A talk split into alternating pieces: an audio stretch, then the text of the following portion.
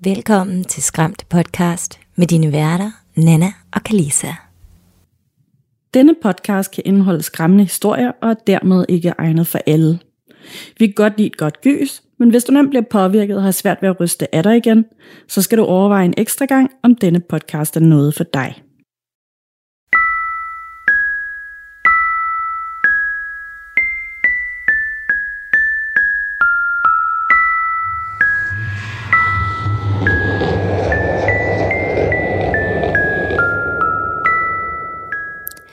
Hej Nana. Hej Kalissa, og hej til alle vores dejlige lytter, og velkommen til episode 152, som nu egentlig også er det allerførste afsnit af Skræmt podcast. Yay, Skræmt podcast. Velkommen. og øh, den her uge, der har vi jo et rent øh, lytterberetningsafsnit, hvor vi kommer vidt omkring med noget øh, spøgelsesaktivitet, noget poltergeist og øh, lidt forskellige øh, ret uhyggelige steder. Nemlig. Så, øh, så selvom vi har skiftet navn, så er indholdet jo faktisk stadig det samme. Det er nemlig rigtigt. Og øh, tusind tak til alle jer, der var inde og øh, stemme på Facebook-gruppen. Vi fik rigtig, rigtig mange stemmer, hvad vores nye navn skulle være. Og øh, altså, jeg synes, det er rigtig fedt, at fællesskabet bakker op omkring det her, og alle har holdt den gode tone, og alle har været så støttende, og de fleste er også ret forstående, men lige for dem, som ikke lige ved, hvad det er, der foregår her, så er det fordi gåsehud, der er noget patent på det, og øh, mig og Nana, vi bliver simpelthen nødt til at skifte navnet, fordi vi vil gerne, vi vil gerne lave noget merchandise, vi vil gerne lave nogle meetups, vi vil gerne øh, ikke have ondt i maven over, at der er nogle andre, der i virkeligheden ejer gåsehud.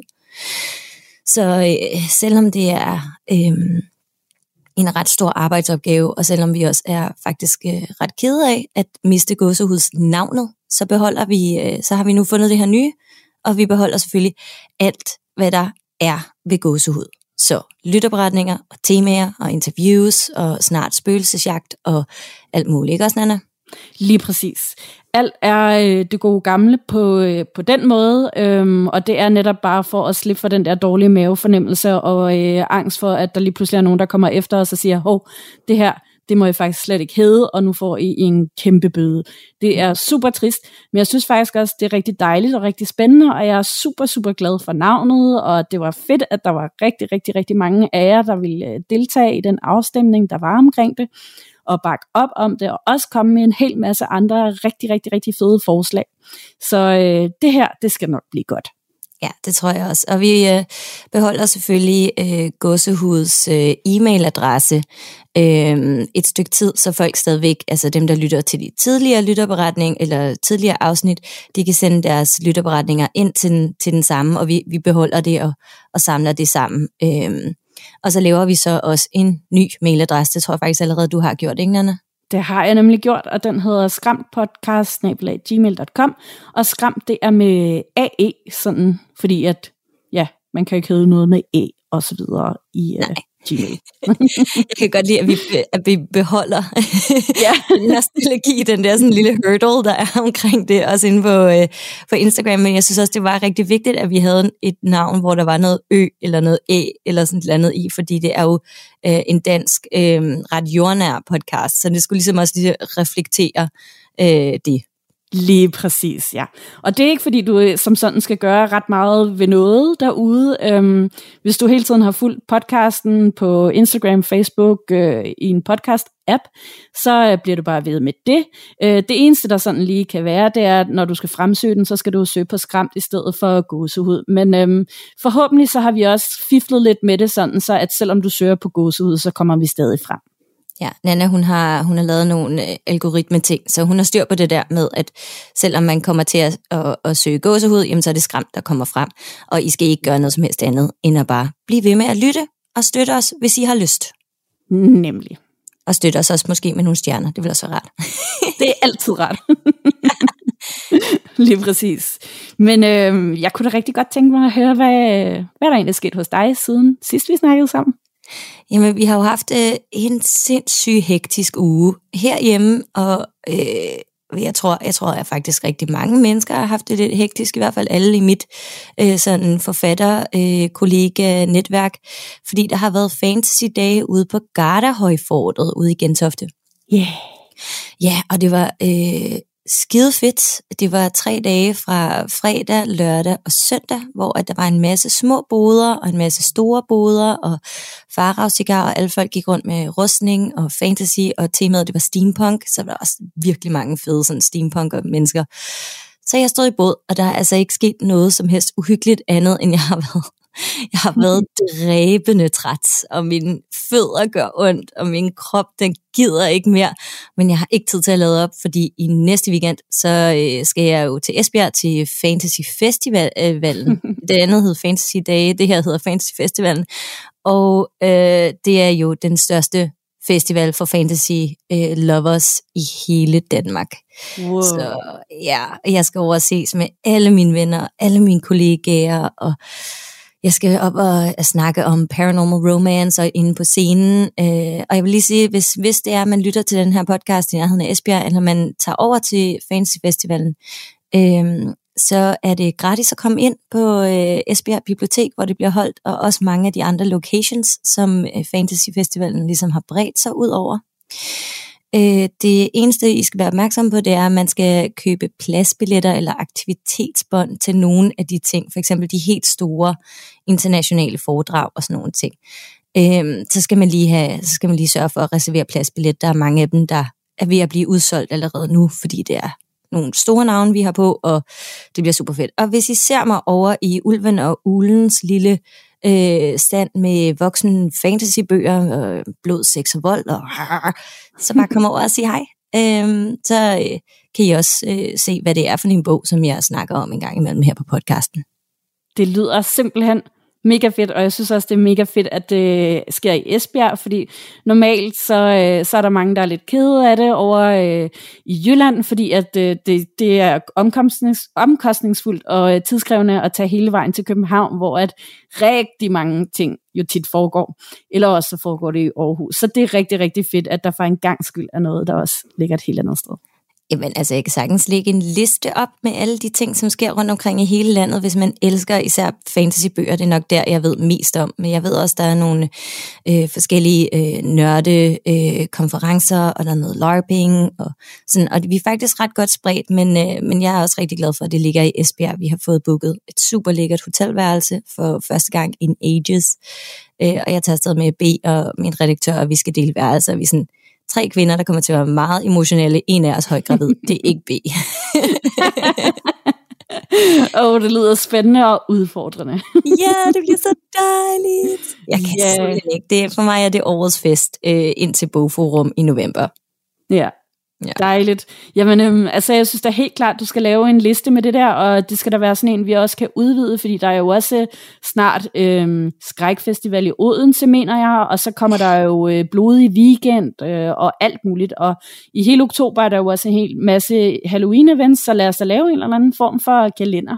Og så synes jeg da også, hvis der er nogen, der sidder derude og er med i sådan nogle øh, hekseting, heksekovens eller i det spirituelle miljø, så kunne det jo også være meget fedt, hvis I delte, hvornår der var sådan en cirkler, eller kakao-ceremonier, eller et eller andet andet sted, fordi der er garanteret rigtig mange andre lyttere her i øh, Facebook-gruppen, der også er interesseret i det. Ja, og så kan man også møde sit fællesskab, hvis man for eksempel har snakket rigtig meget online her, øh, enten på Facebook eller i servers eller sådan noget andet, så er det en, altså det der, de der meetups, hvor ja. alle folk er samlet det samme sted, fordi vi alle sammen øh, elsker det samme. Øh, her til Fantasy Festivalen, så er det for eksempel altså, de venner, som jeg ikke ser andet end til Bogforum og Fantasy Festivalen, det bliver jo helt altså, øh, fyrværkeriagtigt møde, når vi ses igen. Altså, der er kun kram og kærlighed, og huha. Men jeg advarer så også lige, at efter den festival er overstået, så er jeg nok også sådan lige lidt tom på øverste etage. Det tager altså lidt af det sociale batteri. Ja, så bliver man mørbanket banket. Total. Men hvad med dig, Nana? Er der sket noget spændende, uhyggeligt? Noget? Nej, det er der faktisk ikke. Øhm, det har været sådan, øh, øh, altså jeg har bare været fuldstændig tom for batteri også øh, her de øh, sidste ja, par uger er det vel efterhånden. Så der er ikke sket noget, øh, der er værd at bemærke her, men det er på en eller anden måde også meget rart. Det kan være, at jeg har været så træt, at jeg slet ikke har opdaget alt muligt. Hmm. Ja, det har jeg faktisk også gået og tænkt lidt over. Jeg har hørt nogle knirken og nogle bankelyde og sådan noget i min lejlighed, men, men jeg glæder mig rigtig meget til, at øh, næste måned, kan ja. vi godt afsløre det? Ja, det kan vi da godt. I næste måned, så, øh, så får vi jo faktisk Frederik ud, og så skal han komme her hjem sammen med Nanne, og så er vi inde i mit hus og prøver at se, om vi kan komme i kontakt med det, som er i min lejlighed. Mm. Og øh, ja, jeg glæder mig simpelthen så meget, og jeg er også, også lidt nervøs, fordi på den ene side, så håber jeg, at der er noget, at det ikke bare er mig, der er sådan lidt tosset. Ikke? På ja. den anden side, så er jeg øh, virkelig bange for det, der er der, om det er noget godt, eller om det er noget, vi skal have renset ud i, eller om det kan være forklaringen på alle de her øh, skygger og raslende skabslåger og sådan noget, som vi jo, vi jo har on and off i, igennem tiden. Ja, helt sikkert. Det kan jeg virkelig godt forstå. Jeg glæder mig altså også bare rigtig, rigtig meget til at se, hvad vi kan få frem, og altså om vi overhovedet får noget frem, eller om vi bare kommer til at sidde og kede os lidt? Eller, det tror Ej, jeg ikke, det, gør, det tror jeg absolut ikke, fordi hvis det er, at vi ikke kan komme i kontakt, det er jo sådan med, med ånder og sådan nogle ting, de er jo ikke så gode til at bare lige komme frem, når man har brug for, at de skal bevise sig selv, eller sådan, de lever ligesom deres eget liv, ikke? Så, nok.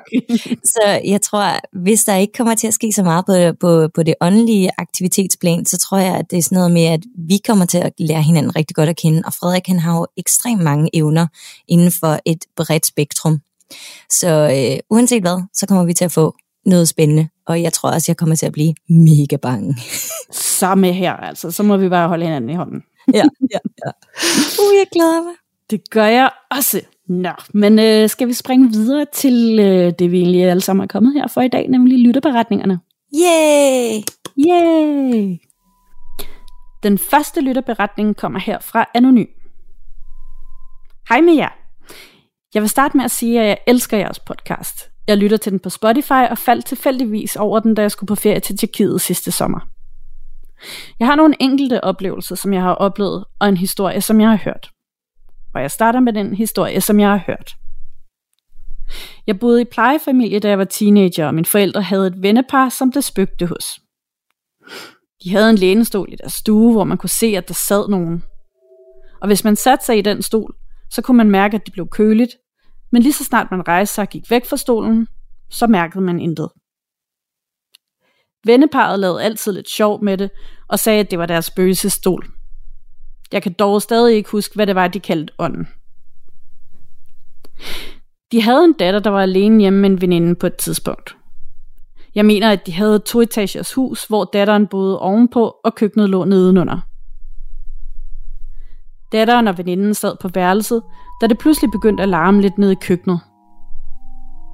De gik ned for at se, om forældrene var kommet hjem, men det var de ikke, og der var ingenting at se. De gik op på værelset igen, og straks begyndte at larme i køkkenet på ny. Så de gik ned igen for at tjekke det, men heller ikke denne gang var der noget at se. De beslutter sig så for at gå ind i stuen og vente på, at forældrene kom hjem. Veninden kigger over på lænestolen, og det lignede, at der sad nogen i den. Lige pludselig kunne de høre fodtrin henne fra stolen, og aftrykket af nogen, som sad i den, var pludselig forsvundet.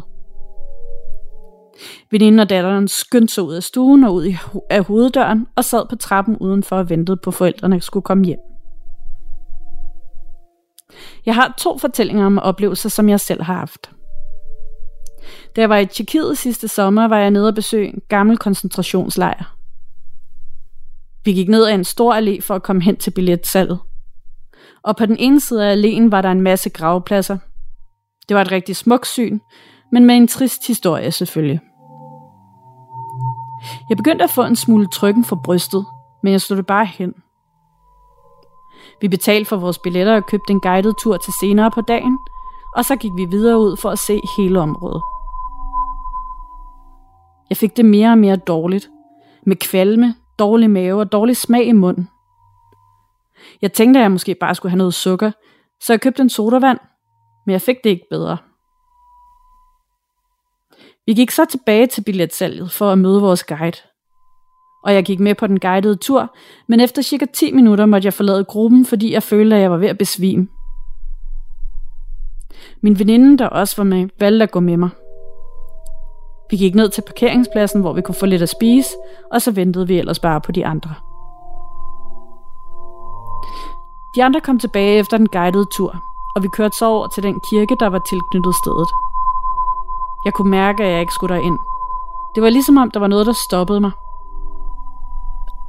Min veninde valgte at blive udenfor sammen med mig, mens de andre gik ind. Og to minutter inden de andre kom ud, begyndte jeg at kaste op. Vi gik tilbage til bilen, hvor der også var nogle toiletter, så jeg gik derind og kastede op igen. Og da jeg endelig var færdig, kørte vi derfra. I det samme, vi kom helt væk fra området, fik jeg det godt igen.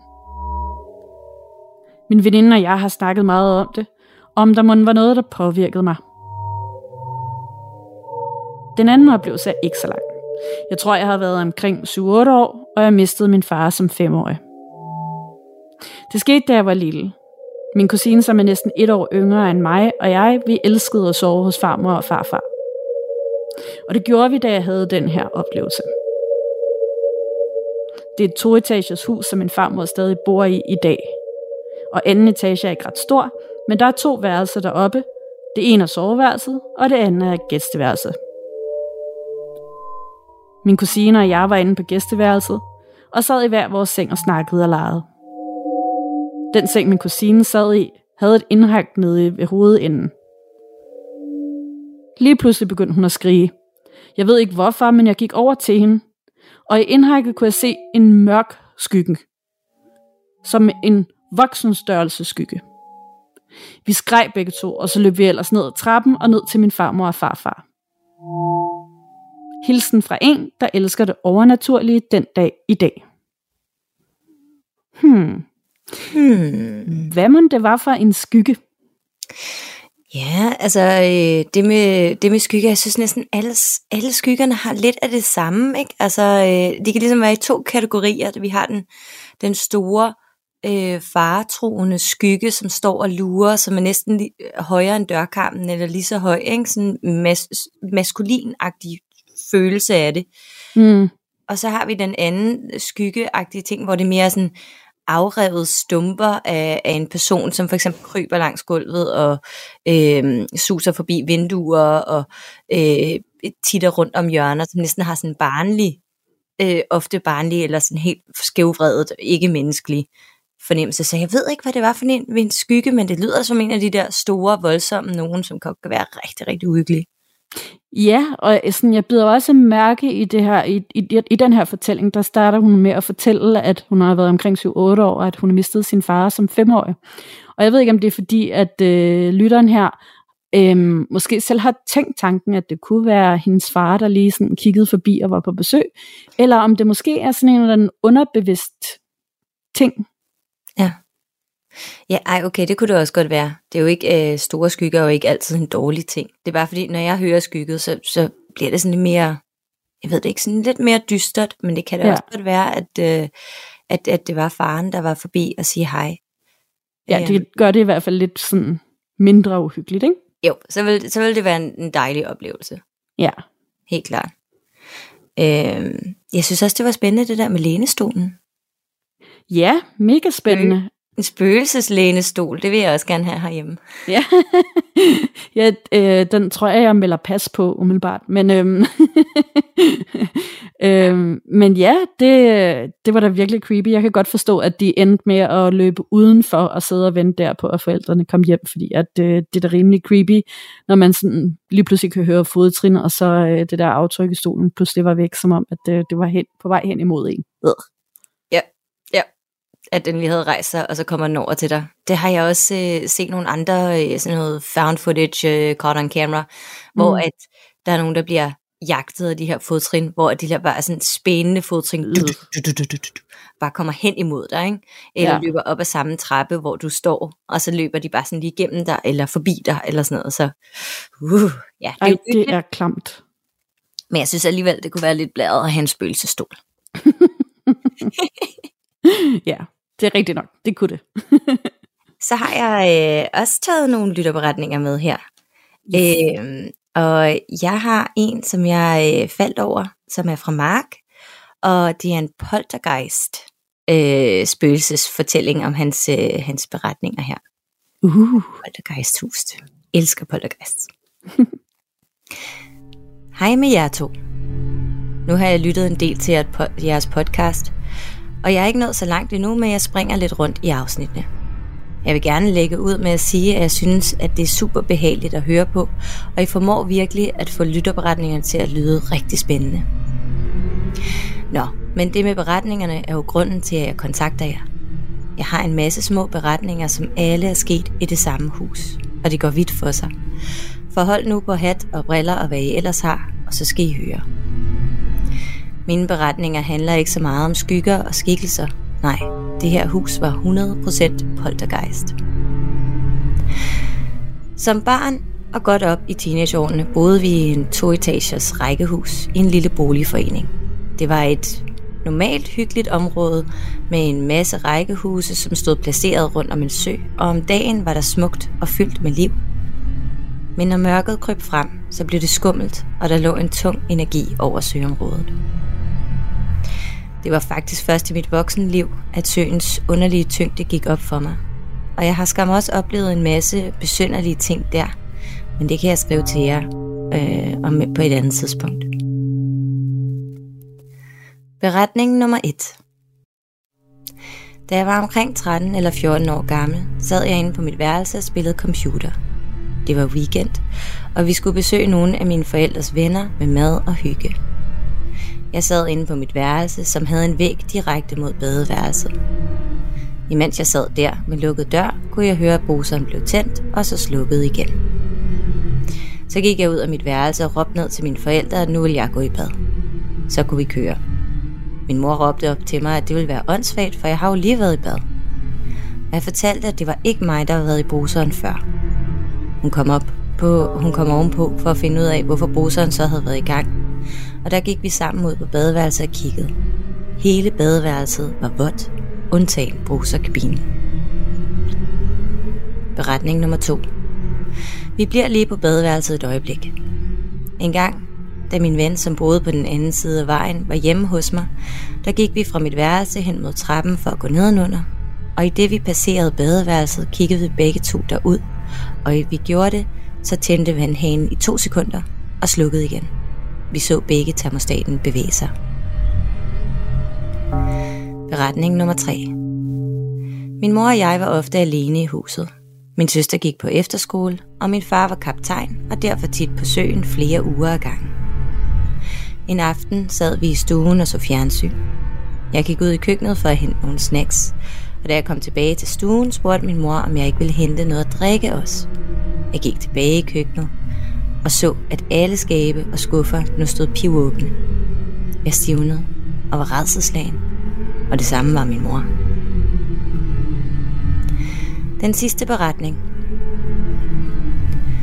min mor har altid godt kunne lide forskellige små nips, og er ret vild med Jomfru Maria og kors på væggene. En dag, da jeg kom hjem fra skole, var alle de stående familiebilleder lagt ned med fronten ned mod bordet. Alle korsene var vendt om, og nogle af hendes Maria-statuer lå på gulvet. Jeg troede, der havde været indbrud, og hentede min fars, øh, min kammerats far, som boede på den anden side af vejen. Vi gik rundt, men kunne ikke finde tegn på, at der havde været noget indbrud. Vi ryddede op, og så snakkede vi lidt ude foran huset. Men da jeg gik ind igen, var alle vores kors vendt om, og alle de andre religiøse ting var smidt på gulvet. Man kan vist godt kalde det her for et slags helvedeshus. Jeg kunne fortælle meget mere om flyvende sukkerskåle, klaprende låger, ting der rykker på sig. Eller om dengang jeg gik alene med en ven sent om aftenen og pakkede alting ned, imens mine forældre gjorde rent i vores nye hus, for der gik det også rigtig vidt for sig. Men det vil tage en hel episode. Tak for en dejlig podcast. Hilsen Mark. Jeg vil gerne høre meget mere. Også mig. Det ja. sad jeg også og tænkte. Altså, Poltergeist, you got me, I'm there. ja. Yes, flyvende sukkerskål, bring it on. Altså, øh, Mark, skriv bare det hele til os. Det kan godt være, det kommer til at tage en hel episode, men så, så gør vi det. Ja, så finder vi på en måde, hvor det måske kan vi skiftes til at oplæse eller sådan noget andet. Det, øh, det har vi ja. også snakket lidt om med nogle længere lytterberetninger, hvor folk ligesom har samlet hele familiehistorier og hele slægtshistorier øh, i dokumenter til os. Og vi skal bare lige finde ud af, hvornår det passer ind, men der vil altid være tid til det. Nemlig. Altså, der, man skal aldrig nogensinde holde sig tilbage. Man skal bare sende afsted. Helt klart. Og ja, altså i denne her beretning, der synes jeg altså, at den første var så klam. Det der med, at bruseren går, og så slukker, og der har ikke været nogen derude. Og så går de derud, og alt andet end brusekabinen er vådt. Det synes jeg også var så mærkeligt. Det var sådan lige twist ad på den historie der, at alt andet end bruskabinen var vådt. Det var virkelig mærkeligt. Jeg synes, det var virkelig klamt, fordi jeg kom jo til at tænke på det, vi snakkede om sidste gang med running water, ledende ja. vand, vand, der leder spirituel energi. Og så øh, vi har rigtig mange poltergeist øh, sådan historier igennem, igennem tiden, hvor at det netop er vand, der bliver, der bliver sådan pillet ved. Og så snakkede ja. vi jo også lidt om den der sø der, med at den var sådan underlig, og der var sådan en mærkelig tyngde. Ja, Nemlig, og jeg, og jeg fik sådan en masse, øh, i de her lytteberetninger, fik jeg en masse associationer til den der film, der hedder Bag facaden med øhm, Michelle Pfeiffer og Harrison Ford, hvor de to gift bor på et hus, bor i et hus, og øh, lige pludselig så øh, bliver konen Michelle Pfeiffer hjemsøgt af et spøgelse, der prøver at få fat i hende og vil have hjælp. Og der er nemlig også alt muligt med vand. Øhm, noget med en sø, øh, badekar, øh, duk på spejle og alt sådan noget. Det er bare ude creepy. Ja, ja, ja. Der, ja, der er også noget Gothica. Der er også den der med, øh, det er så Halle Berry, der bliver hjemsøgt af et spøgelse. Ja. Øh, men det er også med vand og regn. Og så ja. har vi jo selvfølgelig øh, kære gamle øh, Samara, som jo kommer kravlende ud af brønden. Ja, præcis. I the ring. ja. Jamen, det er rigtigt. Jeg fik så til gengæld også lidt, øhm, øh, lidt øh, det der med de omvendte kors, der fik jeg også totalt associationer til øh, The Enfield Haunting, som hvis nok er Conjuring 2-filmen, øh, hvor Ed og Lorraine, de, øh, de øh, tager ud til sådan et hus i Enfield i England, hvor at øh, der er den her dæmon, eller et øh, lidt ondsindet spøgelse af en ældre mand, der, øh, der sådan virkelig huserer og, øh, og sådan kaster rundt med ting, og, og netop også vender sådan nogle kors på hovedet på et tidspunkt. Ja, ting og børn kaster han rundt med, ikke? Jo, præcis. Ja, ej, den kan jeg godt huske også. Ja, der var nemlig også alle korsene, de langsomt sådan knirke knager vender sig om. Ja, lige nøjagtigt. Der, der er som om, det, det føles ikke som en, som en, en rar tilstedeværelse, så snart familiebilleder bliver lagt ned. Der har jeg Nej. altså også et eller andet, der føles som om, at det, I må ikke være her, eller ja. I slettes, eller eller andet, uh, jeg får helt krible krable gåsehud, det er jo anden episode, vi optager hver for sig, så jeg er sådan uh. ja. ja, jamen det, det er rigtigt nok. Det, det virker sådan lidt truende på en eller anden måde, ikke? Jo, jo, jo. Sådan en, øh, ja, ja, en trussel. Ja. Vi skal ikke være her. Det er mit hus. Ja, netop. Ja, men, øh, men, men Mark, altså virkelig bare øh, skriv til os. Du behøver heller ikke sende det hele på én gang. Du kan også bare sende lidt afsted, sådan som du orker det, fordi det kan sikkert også øh, være ret drænende at skrive en hel masse på én gang. Øh, men fortæl os endelig alt, hvad der overhovedet nogensinde er sket. Ja. Yes. Er du klar til en mere? Jeg er så klar. Godt. Der kommer en her fra Joachim. Hej med jer. Tak for en fantastisk podcast, som jeg lytter til hele tiden. Jeg har hørt nogle helt fantastiske lytteberetninger fra jer af, og jeg har altid været lidt jaloux over, at jeg ikke rigtig oplever noget selv. Men jeg har faktisk oplevet et par ting, hvor jeg stadig spekulerer over, om det var noget overnaturligt eller ej. Her er en af de episoder. Jeg couchsurfede hos en veninde efter et brud med min eks. En nat vågner jeg ved, at en sort skygge kigger på mig. Jeg følte ikke, at den ville mig noget ondt, men at den bare ville holde øje med mig. Dagen efter spørger jeg min veninde, om der er nogen, der er døde i deres lejlighed. Og det er der. Det er den tidligere beboer, som var en ældre dame. Jeg tænker ikke så meget mere over det, men natten efter skete det så igen.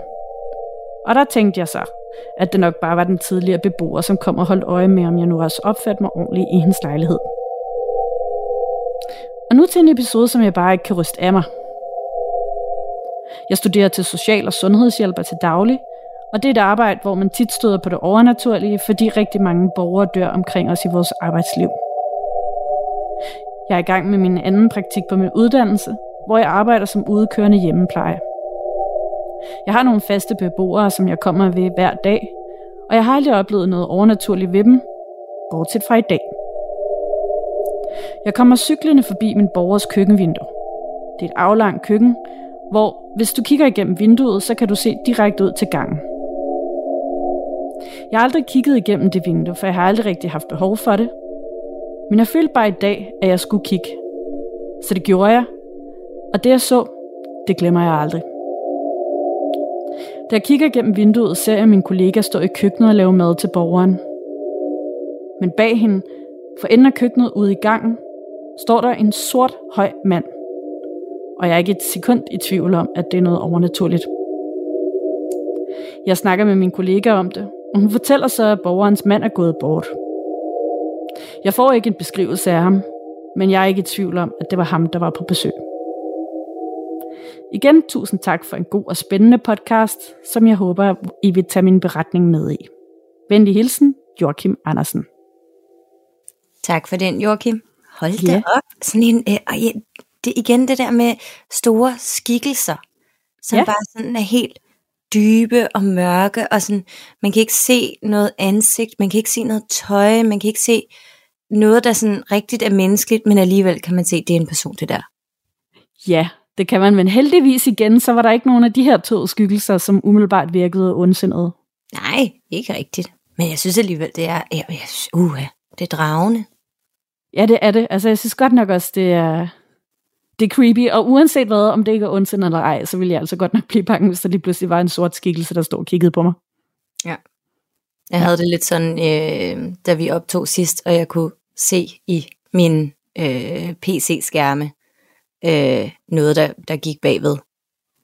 Det synes ja. jeg var lidt uhyggeligt faktisk. Så nu er jeg glad for, at jeg sidder et andet sted. Ja, det kan jeg virkelig godt forstå, og det er også derfor, når jeg sidder og optager alene, så sidder jeg altid med ryggen til spejlene.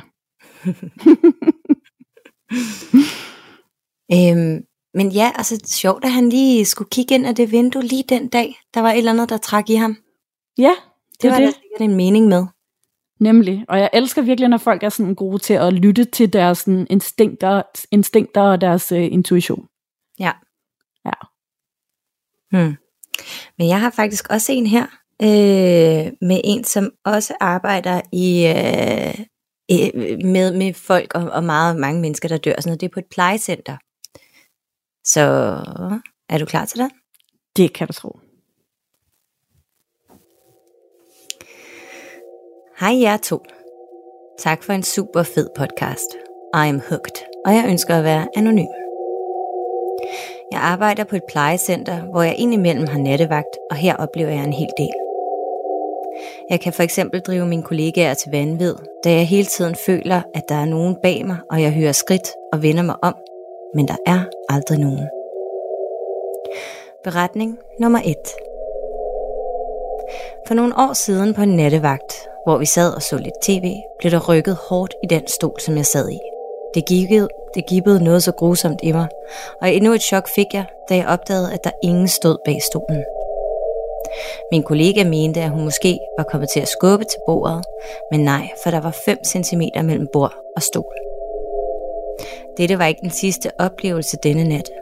Vi havde gået en runde midt på natten, og så hører både min kollega og jeg nogen råbe om hjælp.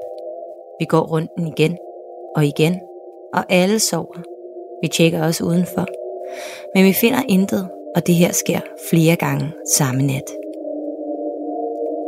Beretning nummer 2 Min anden oplevelse var i starten af december. Jeg havde igen nattevagt og havde flere gange hørt rumsteren fra administrationsgangen. Men jeg valgte ikke at reagere, da mine kollegaer ikke er til den slags. Midt på natten skal vi have en borger indlagt, og pludselig hører vi et hov, højt brag ude på gangen. Min første tanke var, at det var en borger, som var oppe, stod ude på gangen og smækkede med skabslågerne, som vi ikke havde lukket. Jeg går ud på gangen, og der er ingen. Skabslågerne stod helt åbne. Dette var mine oplevelser. Tusind tak for en god podcast. Venlig hilsen, Anonym. Ej, det er creepy. Altså, Og jeg tænker, at det må være rigtig hyggeligt sådan i dagtimerne at arbejde på sådan nogle plejecentre. Jeg har selv en kæmpe svaghed for ældre mennesker. Øhm, jeg tror, det er fordi, jeg egentlig mistede mine bedsteforældre, da jeg var ret ung. Øhm, så jeg elsker ældre mennesker. Jeg elsker at tale med ældre mennesker og høre alle deres historier, og synes bare, at det er rigtig hyggeligt. Øhm, men det må godt nok også virkelig være uhyggeligt om aftenen, når der er mørkt, og de fleste er gået til ro, og ja. Uh. Ja, jeg, jeg tænker det der med sådan at arbejde på de der store institutioner, hvor vi har endeløse hvide gange, ikke? Ja. og du bare kan kun høre din egen skridt rum, altså eko igennem hele den her bygning. Alle sover omkring dig, og så hører du lige pludselig nogen gå bag dig. Ja, ad. Ja, jeg, jeg har det svært nok med min egen vaskekælder, men jeg kan huske, der var på et tidspunkt, hvor vi var på, øh, på tur med, jeg tror det må have været gymnasiet ude på Riget, hvor at vi blev vist rundt nede i, øh, i Riget, sådan underjordiske gange. Der er jo sådan et gangsystem på, hvad er det, 16 kilometer eller, eller noget helt Ja. Og de, de kører også rundt på de der scootere netop fordi så, og løbehjul, så de kan komme øh, hurtigere frem, men også så de ikke bliver sådan helt smadret af at skulle gå hele dagen. Ja. Og dernede, der gik vi også forbi ligehuset. Vi gik ikke derind, men vi gik forbi, og der er bare en helt særlig stemning. Og det der øh, lysstofrørs lys. Så jeg kan altså godt forstå, at man er lidt jumpy, lidt ekstra øh, opmærksom og overvågen, når man er på de her nettevagter. Også selvom man er sammen med kollegaer. Ja, det kan jeg virkelig også godt forstå. Ej, og øhm, jeg har egentlig rigtig rigtig fortalt det til så mange, men jeg har faktisk engang, øh, hvor at jeg havde været i byen og var blevet rimelig fuld, så fik jeg den totalt åndssvage idé, fordi at jeg på det tidspunkt boede ud til øh, Tagensvej på Nørrebro, at øh, så skulle jeg da lige svinge forbi Rigshospitalet, når nu det alligevel lå på vejen hjem, og så lige ind og gå rundt derinde. Og, Men, altså, ja, yeah, I know. Øhm, og øh, så gik jeg rundt i gangene dernede, og så blev jeg også fuldstændig creeped out, fordi det var bare mega uhyggeligt, så det var bare en rigtig dårlig idé, faktisk. Øhm, ja. ja, så måtte jeg bare prøve at finde ud så godt jeg kunne, og det sådan gik heldigvis okay. Men ja, det, det kan altså ikke lige anbefales. Nej, men tænk, at der ikke var nogen, der sådan fandt dig og stoppede dig og var sådan, øh, undskyld, frøken. jeg, jeg mødte virkelig ingen mennesker. Altså, jeg har nok rendt rundt, altså, fordi man, øh, jeg var også lidt fuld jo, og desorienteret og sådan noget, så var jeg ikke lige den bedste til at finde rundt. Så har jeg nok i hvert fald været dernede 10 minutter eller sådan noget, uden at støde på nogen som helst. Ej. Så, øh, min kusine, hun øh, har arbejdet, øh, hun er sygeplejerske, og, øh, og har arbejdet rigtig, rigtig meget på hospitaler selvfølgelig, og har også været inde på riget, og jeg prøver altid at spørge hende sådan, Jamen, har du ikke nogen gode gyserhistorier? Og, sådan noget, og hun er bare sådan, nej, jeg har ikke lyst til at snakke om det, fordi der sker ting hele tiden, og hvis jeg snakker om det, så er jeg bange for, at det kommer hjem til mig, og det skal det bare ikke. Ej, sådan- Ja, det er så ærgerligt. Jeg har også en anden veninde, som, øh, som også kan fornemme energier og bevæger sig kun i lyset, og det er så godt. Altså, jeg, jeg siger ikke, at jeg vil hive noget dæmonisk eller ondt frem, men spøgelser, det har hun ikke så meget lyst til at snakke om. Så hver eneste gang, jeg sådan, Nå, prikker lidt, så hej, har du, har du noget sådan? Nej, der er ikke Nej. noget. Altså, jeg sådan, det må respektere jeg, men altså bare, øh, jeg vil gerne høre spøgelseshistorier. Men så har Ja. vi alle de her lytterberetninger jo. Det er rigtigt. Gudskelov for det. Og Ja. det er også sådan, jeg har også nogen, der sådan, øh, har nogle historier fra øh, offentlige bygninger i, øh, i Danmark, men hvor de sådan, det må jeg faktisk siger til mig, at det, det må de faktisk ikke rigtig fortælle om, fordi at øh, det er imod reglementet, eller at øh, sådan, de, de, øh, de kan være bange for, at der lige pludselig er nogen, der bliver bange for at komme der, hvis de sådan hører om, at du spørger i de der bygninger. Så derfor må de ikke rigtig fortælle om det. Og det er bare så irriterende. Ja, ah, men det gør det også bare endnu mere mystisk, fordi så ved man jo, der sker noget derinde. Netop. Hvis du forstår, hvad jeg mener. Sådan, Ej, men der sker ingenting her, men vi kan ikke snakke om det. Præcis. ja, overhovedet ikke særlig mistænksomt. Mm. Åh, nemlig ja. Men øh, ja, hvis der er nogen af jer, der sidder derude og har flere øh, historier fra, øh, fra plejecentre, eller børnehaver, eller hospitaler, eller andre slags øh, institutioner, AKA, de lange, mange hvide gange osv., så, videre, så øh, skriv endelig til os. Meget gerne, meget gerne. Det er simpelthen, jeg er dybt fascineret af især hospitaler, fordi jeg er redselslagen for hospitaler. Same, same. Og alligevel så synes jeg på en måde også, det er lidt hyggeligt at være på hospitaler nogle gange. Ja, det er mærkeligt, men ja. Man kan godt have det ambivalent med det. Altså det er ligesom, jeg kan også godt se, at heste er, er super fine dyr, men de skal bare ikke komme i nærheden af mig. Nej. jeg er også vildt bange for heste, hvilket er sådan en lidt uh, love or hate uh, ting, når jeg siger det, så folk bare siger, ej, du er helt bimmellems, det heste er de dejligste dyr, og andre folk er sådan, ja, I get it, jeg forstår, jeg forstår. Ja. Så, Ja, jeg har det også sådan. Altså, jeg synes, at heste er helt fantastisk, og, og for eksempel Janni, som vi også har lavet nogle afsnit med, hun øh, havde jo også øh, evner, hvor hun kunne telepatere med dyr, og sagde, at heste var nogle af de nemmeste at tale med, fordi de ligesom er meget sensitive. Og jeg har også set en masse videoer på Instagram og sådan noget med heste, der ligesom sådan trøster deres ejere, og i det hele taget bare viser en eller anden meget stor følelsesmæssig intelligens. Øhm, og jeg synes, de er fantastiske. Men ja. jeg er altså også lidt bange for dem, fordi der bare er den der kæmpe store råkraft, og at de alligevel også er en lille smule utilregnelige og bare store, ikke? Jo, jo. Jeg, jeg tror også det der med de store. De store, ja. de kan de kunne nedtrampe dig, hvis, hvis du kiggede forkert på dem. Det gør de jo selvfølgelig ikke. Altså næsten alle trænede heste, det er meget sjældent, at de sparker fra sig og sådan nogle ting. Folk har forklaret mig det igennem årtier, hvorfor jeg ikke skal være bange for heste, men det nytter ikke noget. Jeg er også bange for hospitaler, og det, der skal man jo også ind en gang imellem. Så ja. må man bare lige suck it up. Præcis, jeg er skide bange for fly, og det er også ligegyldigt, hvor mange gange man forklarer mig, at der sikkert ikke sker noget. Det, jeg har det stadig sådan, ja, men det kan godt være, men det skulle lige være typisk, hvis det skete for mig, ikke? Jo. Nå, er du klar til en mere? Ja. Godt, der kommer en her fra Anne. Hej Kalisa og Nana. Normalt sker der ikke rigtig noget overnaturligt for mig, men efter at have lyttet til jeres podcast i lang tid, så er jeg nu overbevist om, at det jeg oplevede for en leden var en søvnparalyse. Jeg drømte, at en veninde og jeg var taget på hotel for at komme lidt ind til storbyen, og bare for at opleve noget andet end det, vi plejer. Da vi så skulle i seng, falder min veninde først i søvn, og derefter jeg. Jeg drømte så en drøm om en ældre dame, der lignede Myrna fra en gammel tegnefilmserie fra Cartoon Network, og hun tager fat i min seng og begynder at ryste den helt vildt og voldsomt.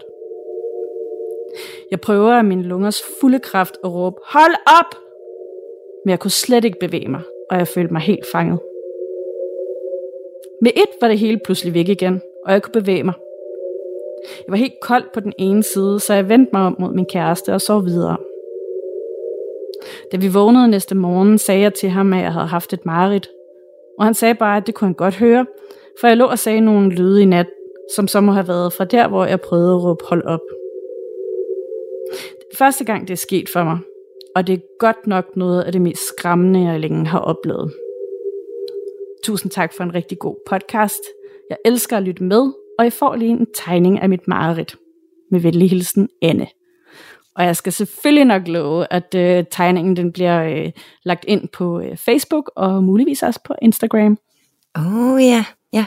Ja, jeg sad faktisk lige, mens øh, du fortalte beretningen, så kiggede jeg lige på, hvem, hvem er det nu myrerne er, men det er jo selvfølgelig øh, den ældre dame fra Frygtløs, den frygtsomme hund. Ja, netop. Ej, og så stod hun der og ruskede i sengen. Det er, det er faktisk ret uhyggeligt. Ja, det er det. Og jeg blev også mærke det der med, sådan, så drømte hun, at hun drømte. Ja, og det hader jeg, fordi så ved man aldrig, hvornår man er ude af drømmen. Er man Nej, så det er sådan færdig med at drømme? Ja, ja. Og det der med at ruske i sengen, jeg havde også en, øh, en mærkelig oplevelse, som jeg i mit voksenliv har analyseret mig frem til. Højst sandsynligt var en søvnparalyse. Mm. Men øh, jeg sov i køjeseng. Jeg har været omkring 10 år, og øh, vi boede på Amager, mig og min mor. Og så vågner jeg om natten ved, at der er folk, der råber omkring mig. Og det skete ret tit, fordi det ude på Amager, og det er lejligheder og sådan nogle ting. Ikke? Folk skændes og fulde og whatever. Ja. Men, men jeg mærker så i det, at jeg hører folk råber og sådan nogle ting, at hele køjesengen, den sådan vibrerer eller ryster, som om, at der står nogen, der holder i benene og sådan shake, shake, shake, shake, shake. Og jeg, jeg ved ikke rigtig, hvad der så skete. Jeg tror, jeg, jeg tror, jeg krøb ind til min mor, gik ud af køjesengen og så hos min mor, selvom jeg var 10 år. Ja. Øhm, men, det, men det er virkelig ubehageligt, fordi jeg er ikke sikker på, at det var en søvnparalyse, men det er heller ikke sikker på, at det ikke var. Og det var ikke dengang, vi havde jordskæld i København? Nej, men der blev jeg også vågnet ved at blive rokket i sengen, og det, det var virkelig underligt. Der så jeg, der var både på øh, Ønslagade sammen med min mor og min stefar, og var lige på vej til at flytte i egen lejlighed, sådan omkring 18 år gammel. Alt for tidligt at flytte i egen lejlighed. Bare ja. hjemme. skal man ikke holde øh, alt det der med regninger og sådan noget, ikke? Ja, øhm, rigtigt. Men, øh, men nej, nej, der blev jeg også vækket. Hvad med dig, da der var jordskælv? Jamen, øh, der boede jeg faktisk sjovt nok i den lejlighed øh, på Tagensvej der, og jeg vågnede også af det. Øhm, jeg kan huske, jeg havde sådan en reol hængende faktisk øh, lige sådan på siden over min seng, hvor at øh, alle de der sådan, små nipsfigurer og sådan noget, jeg havde også, øh, de vibrerede. Og så tænkte jeg, det var da mærkeligt. Jeg ved, om der er nogen, der bor i jorden, eller sådan et eller andet, og så lagde jeg mig til at sove igen. Og så da jeg vågnede, så var der kæmpe drama i nyhederne, der øh, øh, sendte live hjemme fra en eller anden dame, hvis to julestjerner var væltet. ja. ja, jamen ved du hvad, det er Danmark, vi bliver nødt til ligesom at uh, work with what we've got. Altså. yeah. vi har ikke så voldsomme ting, der sker, og, det, og dog, altså, det har vi selvfølgelig ikke, men, men jordskælv i Danmark er der også virkelig, virkelig underligt. Altså. Ja, det er mærkeligt, og det, altså, det var også faktisk rimelig alvorligt. Der var et dødsoffer, der var nemlig den der stakkels skildpadde, som blev klemt under en bogreol, der var væltet. Ej, seriøst? Ja. Rest in peace, lille skildpadde. Oh. så, så tilbage, tilbage, tilbage, fordi at jeg har nemlig den øh, sidste lytterberetning her fra mig. Yes. Ja. Og øh, her på podcasten, så har dig, Danika, jo haft rigtig mange lytterberetninger fra efterskoler. Ja. Yeah. Øh, og den her, den foregår også på en efterskole, og så lidt derhjemme. Den er ikke ret lang, men jeg synes alligevel lige, jeg vil tage den med. Lidt. Så. Hej alle sammen. Jeg har oplevet en masse ting.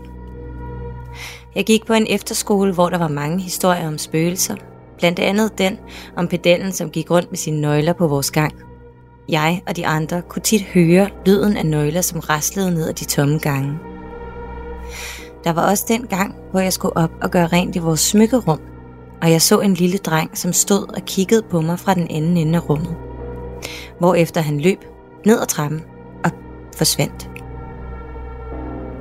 Der var også tit om natten, hvor jeg vågnede klokken 3 præcist og så en sort, stor skikkelse stå og kigge på mig over fra mit skab. Jeg havde virkelig mange søvnproblemer og blev faktisk nødt til at stoppe på efterskolen på grund af det. I mit eget hus har jeg og min familie også oplevet ting. Jeg kunne høre noget gå på mine poser, som jeg havde liggende på gulvet. Og en dag sov min mor nede på sofaen, hvor hun vågnede til en mand, som stod og stirrede på hende, inden han også forsvandt.